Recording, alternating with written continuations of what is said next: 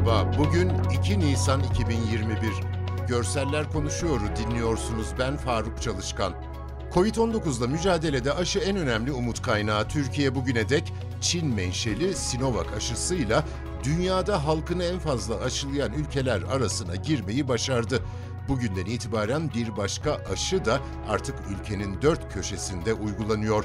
Alman BioNTech ve Amerikan Pfizer firmalarının ortaklaşa üretip dağıttığı BioNTech'in geliştirdiği COVID-19 aşısı. Türkiye şu ana kadar bu aşıdan 2,8 milyon doz temin etti. Anadolu Ajansı'nın habere eşlik eden fotoğraflarında siyah gömlek ve pantolondan oluşan üniformalarıyla iki maskeli hemşirenin hastane koridorunda aşı sandığını taşımasını görüyoruz. Sandığın bir kenarındaki tutma kolunu paylaşarak ilerleyen hemşireler telaşlı izlenimi veriyor çünkü aşının muhafazasında çok hassas olmak gerekiyor. Parlak yeşil kapağı olan siyah tekerlekli sandığın bir an önce muhafaza alanına götürülmesi gerekiyor. Aşılama çalışmalarına ilişkin Anadolu Ajansı'na açıklama yapan Sancaktepe Şehit Profesör Doktor İlhan Varank Eğitim ve Araştırma Hastanesi Başhekimi Profesör Doktor Nurettin Yiğit şunları anlattı. Özellikle randevu alma aşamasında artık opsiyonumuz olacak. Yani bir inaktif aşıyı mı istiyoruz, bir emre aşısını mı? Eğer inaktif aşıysa zaten bütün merkezlerde yine devam edecek. Ama mRNA ise bazı merkezleri seçeceğiz. Bazı merkezlerde aşı olabileceğiz. Bunun sebebi de şu biliyorsunuz bu biraz e, üzerine titrenmesi gereken ve korunması gereken bir aşı. E, çünkü içindeki sonuçta virüsün e, bir parçacığını üretecek olan bir mRNA kolay bozulabiliyor. O yüzden de biliyorsunuz il, ilimizin e, özellikle bakanlığımızın eksi 70 dolaplarından bize geliş süreci biraz farklı. E, özel korumalı kolilerde geliyor. Ee, bize geldiğinde ise bu merkezlerde biz eksi 20 dolaplarda bunları 14 gün saklayabileceğiz. O yüzden 14 günün üzerinde e, tüketemeyeceğimiz aşıları almamak hedefiyle yürüyeceğiz. Bu dolaplardan kendi aşı alanlarımızdaki 2-8 derece aralığındaki dolaplara transfer ettiğimizde ise bizim 120 saatimiz var. Yani 120 saatte tüketemeyeceğimiz aşıyı da bu alanlara transfer etmeyeceğiz. Açtığımız flakonu da 2 saat işte 5 saat aralığında da tüketmemiz gerektiği için de tüketemeyeceğimiz flakonu da açmamak hedefiyle yürüyeceğiz. Ve her bir flakonda 6 kişilik doz olduğu için de hep altının katları şeklinde planlayacağız. Bir de bu aşıyı sulandırmamız gerekecek gibi bazı ek işlemler var ve e, özel enjektör seçmemiz gerekecek sarfiyatı e, optimum şartlarda tutmak için. Yani hedefimiz şu etkili bir aşılama yaparken de israf etmemek. E, o yüzden de bu işe biraz biz sağlıkçı olarak özeneceğiz. Daha dikkatli yürüyeceğiz. Randevuyu kontrol edeceğiz. Hani şu denirse eğer hani randevu bulamıyorum diye sebebi şu. Randevuyu da belli aralıklarla açacağız ki e, israf olmasın. Yani aşımızın randevuları şu an 3 klinik açıldı ama ilave açılmaya devam edecek. Şu an hani insanlar endişe etmesin randevu bulamıyorum diye açılacak o randevular. Hedef şu alınan randevu kadar sahaya sürüp o ısı derecelerine dikkat etmek, e, özellikle israfını engellemek. Bu anlamda da randevuya riayet edip vatandaşlarımız randevusuna uyum gösterip gelirse bizim de o aşıları hesapladığımız dozlarında yapmamıza yardımcı olurlar. E, bu şekilde opsiyonlu programlı bir şekilde yürüteceğiz. Şöyle aşı tercihi konusunda bir defa tercihimiz hepimizin şu. Bulabildiğin aşıyı ol. Yani şu an bulabildiğin aşı olmamız gereken dönemdeyiz.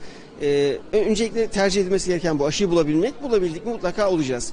Şimdi e, Biontech aşısı yani mRNA aşısı e, yine bir parçacığın vücudumuz tarafında üretilmesini sağladığı için daha fazla antikor oluşturabilir. Ama sağ gözlemimiz şu. Sinovac'ın da iyi koruduğu yönünde. Çünkü biliyorsunuz yatan hasta e, yaş ortalamamız şu an 60'ların altına indi.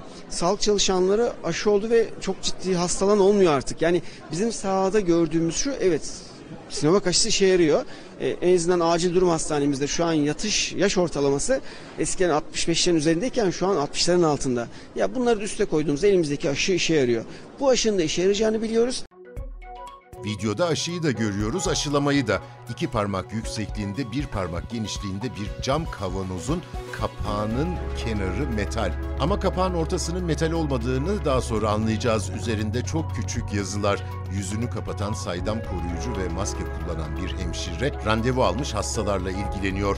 Önce aşıyı yavaş hareketlerle çalkalıyor, sonra kapağına sapladığı enjeksiyonun iğnesinden doğru miktarda sıvıyı çekiyor. Sol kolunu kıvırmış, 60 yaş üstü bir erkek oturmuş, hemşire koluna iğneyi vuruyor. Hemşirenin verdiği pamuğu aşının yapıldığı noktaya bastırıyor sonra. Herkesin aşı olmasını e, düşünüyorum. Bu hastalığın da bir an evvel gitmesini istiyorum. Tüm sağlık personeline de teşekkür ederim. Anadolu Ajansı'nın internet sitesinde bir duyuru var. Ayın fotoğrafları ve videosu oylaması başlamış. Haber kategorisine bakıyorum. Daha önce aktarmıştım.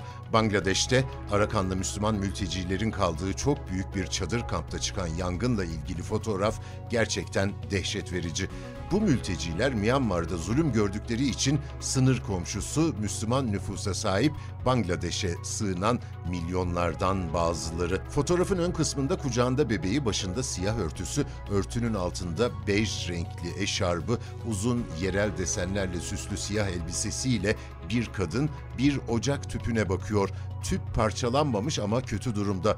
Tüpün yanında bir çocuk, muhtemelen 10 yaşın altında. Zemin kararmış toprak, toz ve taşlarla kaplı. Yanlarında bir duvardan kalan birkaç santimetre yüksekliğinde sınır hattı. Çadır barınaklardan geriye kalan da bu. Az ötede iki çocuk onların ilerisinde takkeli ve entarili bir genç adam. Onun önünde beyaz bir çuvala yangından kalanları doldurmaya çalışan bir grup genç insan. Ötede yeşil başörtülü bir kadın onlara bir şeyler anlatıyor. İleride insanlar daha sıklaşıyor ve fotoğrafın her köşesi dumanla kaplı bir enkazın sanki hiç bitmeyen tekrarını ufka doğru taşıyor. Arada birkaç elektrik direği, uzaktaki kalabalık kitlede nokta halinde görünen beyaz takkeler. Bugünlük bu kadar. Bizi hangi mecrada dinliyorsanız lütfen abone olmayı unutmayın. Mutlu ve sağlıklı bir hafta sonu diliyorum. Hoşçakalın.